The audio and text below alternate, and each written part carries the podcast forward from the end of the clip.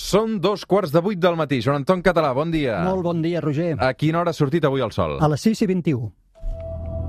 3, 2, 1, seganya!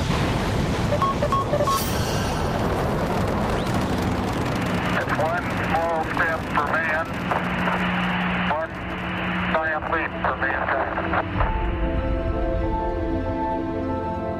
Joan Anton Català, després de més de dos mesos, per fi, face to face, cara a cara, eh? Ostres, en tenia unes ganes, Roger. Ja ho sé que en tenies ganes, sí. Increïble, perquè això, a més, és una, una prova, diríem, d'una certa normalitat, Mhm. però sobretot l'entrevista, que no és el mateix, veure'ns els cares. Mira que jo hi confiava poc que acabaríem la temporada tu i jo veient-nos les cares, eh? però al final sí. Sí. Ah, amb totes les precaucions del món, amb la distància, estem més lluny de l'habitual eh, i, i, i, evidentment, amb, amb les mesures higièniques que facin falta i pendents de- d'aquest possible retorn al confinament, que esperem que no, toquem fusta. Ens queden encara unes quantes setmanes de temporada, Uh -huh. eh, les disfrutarem cara a cara per parlar de ciència, d'astronomia, de física, que al final eh, al capdavall és el que ens ve de gust amb el Joan Anton Català cada diumenge a l'hora que surt el sol. Bé, de fet, ara a l'hora que surt el sol no, perquè el sol surt molt d'hora. Molt dureta. Però cada dia més tard, Sí, senyor, ja cada dia més tard. Exacte. perquè ha passat ja el solstici d'estiu. Perfecte. Uh, recupereu, si, si us ve de gust, el capítol de la setmana passada dedicat al solstici d'estiu, molt, molt interessant, al voltant també d'aquest Sant Joan, desmitificant uh, algunes coses. Evidentment, la nit de Sant Joan ja no és la més curta de l'any, uh, però està al voltant d'aquestes. Però, uh, Joan Anton, abans de res, que avui que et veig cara a cara, vull Sí. comentar la teva indumentària, que sempre té a veure amb la ciència. Avui em portes uh, una samarreta Mirastrelles. Què és això? Perquè Sí. també té a veure amb el cel, eh? Sí, el Mirastels és una escultura que hi ha al Mare Magnum de Ah. Barcelona i està al mar, és dir, allà al Mare Magnum n'hi ha dos, igual, les va fer un escultor de Barcelona que es diu Robert Llimós, Mm. fa anys, i es diu el Mirastels perquè això representa la figura d'una persona mirant el cel, cosa que no fem sovint, doncs aquest és el Mirastels. Tu sempre fent campanya, eh? Sí, de mirar el cel, clar, i en aquest confinament, imagina't, eh, que, què volies mirar si no, la tele i el cel. I el cel. Som al Suplement, som a Catalunya Ràdio, això és la Terra es plana i avui estem molt contents de tornar a tenir el Joan Anton Català a l'estudi. I avui en aquest retrobament amb el Joan Anton Català farem un viatge al passat per reviure les extincions massives que ha patit la Terra. I no només és la dels dinosaures. Eh? Aquesta és la més recent, Joan Anton, Exacte. però hem d'anar encara més enrere. D'entrada, què són aquestes extincions? Eh, part essencial de la història del planeta tal com l'entenem, no? Clar, sí, la, les xifres són absolutament espectaculars. Sí, s'han fet estimacions, lògicament no es pot saber del cert, però s'han fet estimacions de quantes espècies vives han habitat aquest planeta i quantes s'han extingit, i les xifres, ara te les diré, són absolutament espectaculars. Es calcula que hi hauria ha- hagut uns 50.000 milions d'espècies en aquest planeta, de les quals estarien vives només 50 milions. Això representa un ritme d'extinció, un nivell d'extinció del 99,9%, és a dir, Dit d'una altra forma, el 99,9% de tot allò que ha caminat, o ha nedat, o ha volat per aquest planeta ja no hi és. Mhm. Imagina't, eh? Escolta'm, estem parlant d'extincions massives. Què, què vol dir massiva? Vol dir que aquell fet, aquell esdeveniment, que ara els repassarem, ha eliminat, ha escombrat el 75%, com a mínim, el 75% de les espècies vives que hi havia en aquell moment. Això és el que et mereix el títol de ser això, una extinció massiva. Són molt importants, com ara anirem veient, però eh, d'aquest 99,9% que et deia abans, que s'ha extingit, quasi tot s'ha extingit de forma evolutiva a poc a poc, no en grans extincions. El que passa que les grans extincions són esdeveniments quasi puntuals des del punt de vista històric, macroscòpic, són molt puntuals i eliminen gran, gran part de les espècies que en aquell moment viuen. Mm. Uh, entenc que per això són tan importants, eh, Joan Anton? Perquè, Exacte. perquè hi ha un canvi de paradigma brutal, no? Exacte, fan un salt evolutiu, però de cop. Així com l'altre salt evolutiu, mai millor dit, és progressiu, el que una espècie s'extingeixi i dongui passa a una altra, les extincions massives provoquen un terratrèmol en tot el- en tot l'entorn de la Terra i fan salts evolutius molt importants. Per això són tan interessants. Escolta'm, uh, ara feia referència als dinosaures, segurament és, és la que tots tenim en ment, no? Sí. Uh, però n'hi han hagut més, i n'hi han hagut uh, prèvies a, aquest, a, a la desaparició dels dinosaures, no? Les hem pogut quantificar? Sí, de fet, eh, eh, en diem els Big Five, les grans cinc, la cinquena de les quals és la dels dinosaures, que serien aquestes grans extincions massives de les quals tenim registre. Tenim registre fòssil, tenim registre a les roques, de que es van eh, produir, a lo millor, abans que aquestes n'hi va haver d'altres. I el que segur que hi va haver és, entre aquestes cinc grans, n'hi va haver de més petites, moltes. Mhm. Doncs va, escolta'm, anem a fer aquest rànquing d'aquestes cinc grans eh, explosions o extincions massives que hi ha hagut i, per tant, ens remuntem molt abans dels dinosaures. Atenció amb el títol de la primera, eh? Extinció ordoviciana. Molt bé. L'Ordoviciana va tenir lloc, que esti- estimem fa uns 440 milions d'anys. Això és el segon període del Paleozoic i se la considera la segona extinció massiva més catastròfica del planeta. Aquí quantes espècies van desaparèixer? Calculem que un 85% de les espècies vives que hi havia en aquell moment era una vida molt bàsica, fa 440 milions d'anys.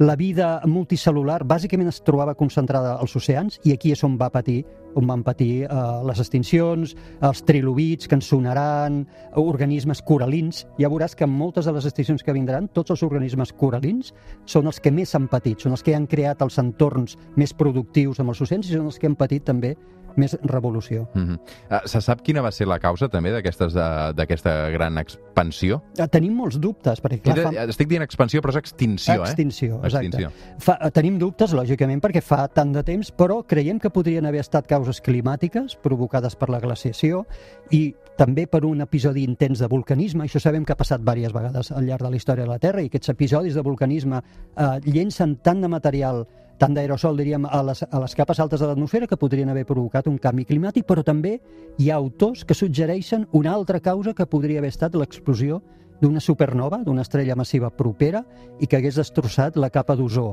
amb els seus eh, radiació gamma. Però d'això no hi ha proves. Per tant, estem... I, i a lo millor és una combinació de factors. Mm. Escolta'm, suposo que quan es produeix una expansió d'aquesta mena o extinció d'aquesta mena, um, hi ha moltes uh, espècies que desapareixen però en, creen, en surten de noves. Exacte, crea oportunitats per l'evolució d'espècies que o no hi eren, o sí que hi eren però eren minoritàries i no tenien un entorn propici, i els hi obre un camí, imagina't, el 85% de les espècies vives desapareixen, això obre un camí eh, nou per les espècies que hi han. En aquest cas, eh, la desaparició d'animals eh, coralins va alliberar un munt de calci, que al final és el component principal del corall, que va, que, va quedar a disposició de molts altres organi organismes que vindrien a continuació per crear els esquelets. Per tant, allà apareixen, com a conseqüència d'aquesta extinció, comencen a apar- aparèixer noves espècies marines basades en l'esquelet. Què són els animals coralins? Els animals coralins són tot, tots aquells que viuen al voltant de o creen corall. És a dir, eh, n'hi havia moltíssims. N'hi havia moltíssims que durant tota la història de la Terra han anat desapareixent i han anat apareixent constantment.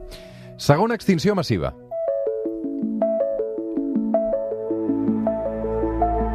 Extinció de Buniana. Exacte. Aquesta fa 360 milions d'anys. Anem, anem venint, diríem, cap al moment actual, i aquest sí que la causa, més o menys, creiem saber-la, que és un episodi molt intens eh, de glaciació, que a més podria haver estat eh, provocat per la caiguda d'un gran asteroide. Aquest, Aquesta caiguda del gran asteroide és el que tenim en interrogant, però sembla que l'episodi intens de glaciació mm, seria cert. Mm. Quines espècies es van veure afectades aquí? Doncs en aquest banc són el 80% de les espècies vives que es van escombrar, torna a afectar especialment els entorns marins, que són la vida, bàsicament, s'estava concentrant, i fa que un altre cop tot l'entorn marí s'hagi de reestructurar, desapareixen una altra vegada espècies coralines i moltíssimes altres espècies. Mhm. Per tant, hem parlat d'aquesta extinció devoniana, 360 milions d'anys eh, enrere. Hem parlat de la primera, que va ser l'extinció ordoviciana, 440 milions d'anys enrere. Anem a per la tercera. Tercera gran extinció massiva de la història de l'univers, De la Terra, de la Terra. En aquest cas, la Permiana. Permiana, és la més devastadora de totes, és la més catastròfica d'aquestes grans. Cinc, aquesta és la top de top. Calculem que va eliminar quasi el 95% de totes les espècies marines que hi havia i el 70% de totes les espècies terrestres que hi havia. És que és increïble. Això va succeir fa 242, i tenim la xifra bastant clara, 242 milions d'anys. I la causa més probable, en aquest cas, torna a ser un gran episodi de vulcanisme que s'hauria produït a la regió que actualment és Sibèria i que hauria enviat enormes quantitats de material cap a de cendres, fums, etc cap a l'atmosfera i hauria provocat un canvi climàtic global. Riu-te'n dels temporals Glòria, dels huracans o, o de qualsevol fenomen eh, natural que tinguem avui dia, Clar, de moment. Eh? Evidentment, després et preguntaré quan tindrem la propera, eh? perquè si n'hi ha hagut cinc vol dir que hi haurà bé, una bé, sisena. tu pregunta, però, pregunta. eh, però abans vull fer el rànquing. Estem repassant. Molt Estem a la bé. tercera, que és aquesta eh, permiana. I relacionat amb aquesta premi- eh, permiana, què és exactament l'efecte Lilliput eh, i què té a veure amb tot això? Doncs mira, és un, el nom que se li va posar, efecte Lilliput, a un fet que els científics han anat eh, descobrint, que és que les extincions massives tenen predilecció per eliminar, per eliminar els organismes més grans de mida i afavoreixen els animals més petitons. Pensem, i això és el que es coneix com l'efecte Lilliput, pensem que això pot tenir a veure amb que els organismes més petits són més eficients amb, el, amb el consum d'energia, amb el maneig de l'energia, i per tant totes aquestes extincions eh, penalitzarien especialment els animals més grans, eh, que són els primers que desapareixerien, els de gran mida, i, i els petitons serien els que normalment tenen tendència a sobreviure.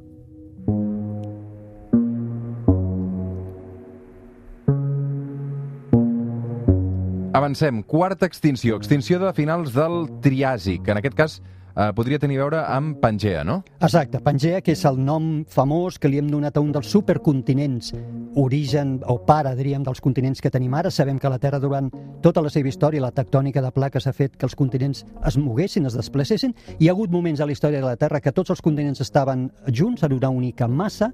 Doncs fa 200 milions d'anys hi havia la Pangea, que era aquest gran supercontinent que els englobava a tots els que coneixem ara, i eh, la vida en aquell moment, fa 200 milions d'anys, ja havia, s'havia diversificat moltíssim, hi havia ja vertebrats voladors, com els famosos pterosaures, que són aquests que surten a les pel·lis, no? I eh, la fragmentació d'aquest supercontinent de Pangea podria haver provocat de nou una enorme activitat volcànica al llarg de tot el planeta i torna a haver-hi científics que en això hi sumen la possibilitat de que aquesta fragmentació de Pangea també s'hagués accelerat per l'impacte d'un objecte. Quan es va desfer la Pangea? La Pangea es, de, es va començar a desfer això fa uns 200 milions d'anys, que és quan es va produir aquesta extinció eh, massiva. Es va començar a fragmentar en altres dos supercontinents, els quals després, milions d'anys després, es van seguir fragmentant fins als continents que tenim ara. I aquí hi havia dinosaures o no? No encara. I, de fet, aquí desapareixen el 76% de totes les espècies marines i terrestres i es considera el moment en què els dinosaures passen el, se li passa el control diguem, als dinosaures. Són espècies afavorides. Es troben en un planeta, ells no s'han vist afectats, els dinosaures encara no s'han desenvolupat, són encara petits, no s'han desenvolupat per fer els superanimals que després sí que van, eh, van arribar a ser, i es troben en un planeta buit, perfecte, i passen a ser els reis d'aquest planeta. Avui al suplement, parlant d'aquestes extincions massives amb el Joan Anton Català, arribem a la cinquena i última extinció massiva coneguda fins ara, que és aquesta dels dinosaures, i és la més recent, malgrat que, clar, ens queda molt lluny a tots plegats, no? Exacte, es va eh, produir només fa 66 milions d'anys, que en termes, com veiem, geològics, no són res, tot i que per nosaltres ho, ho són molt. I com que és la més recent, i només fa 66 milions d'anys, en tenim molta informació. S'ha pogut estudiar molt bé, s'ha pogut simular... Mm -hmm. Escolta'm, uh, en aquest cas, uh, què més se'n va anar a banda dels dinosaures? Bueno, els dinosaures el que ens coneixem, però se'n va anar el 85% de totes les espècies vives existents. De nou es va produir aquest efecte Lilliput i pensem que el meteorit, que ara en parlarem, el gran asteroide que va caure, va esborrar totes les espècies vives que tenien pesos superiors als 25 quilos aproximadament. Mm -hmm. uh, va ser exactament per, per un meteorit que es va produir això? Ho tenim demostrat? Sí, això ho tenim bastant clar. Meteorit, recordem que el nom meteorit li donem a qualsevol objecte que toca terra. Per tant, tècnicament en diríem meteorit, tot i que per mida eh, ens agradaria més dir-li asteroide o cometa, perquè estem parlant d'un objecte entre 10 i 15 quilòmetres de gran que va impactar a la zona actual del Yucatán. Mm. Escolta'm, devia ser immens, no? Sí, eh, aquests 10 o 15 quilòmetres, la quantitat d'energia que desprèn, després si vols et, et faré un símil amb, de, de, del càlcul d'energia que hem fet, és, és immens, és brutal. Qui ho va descobrir?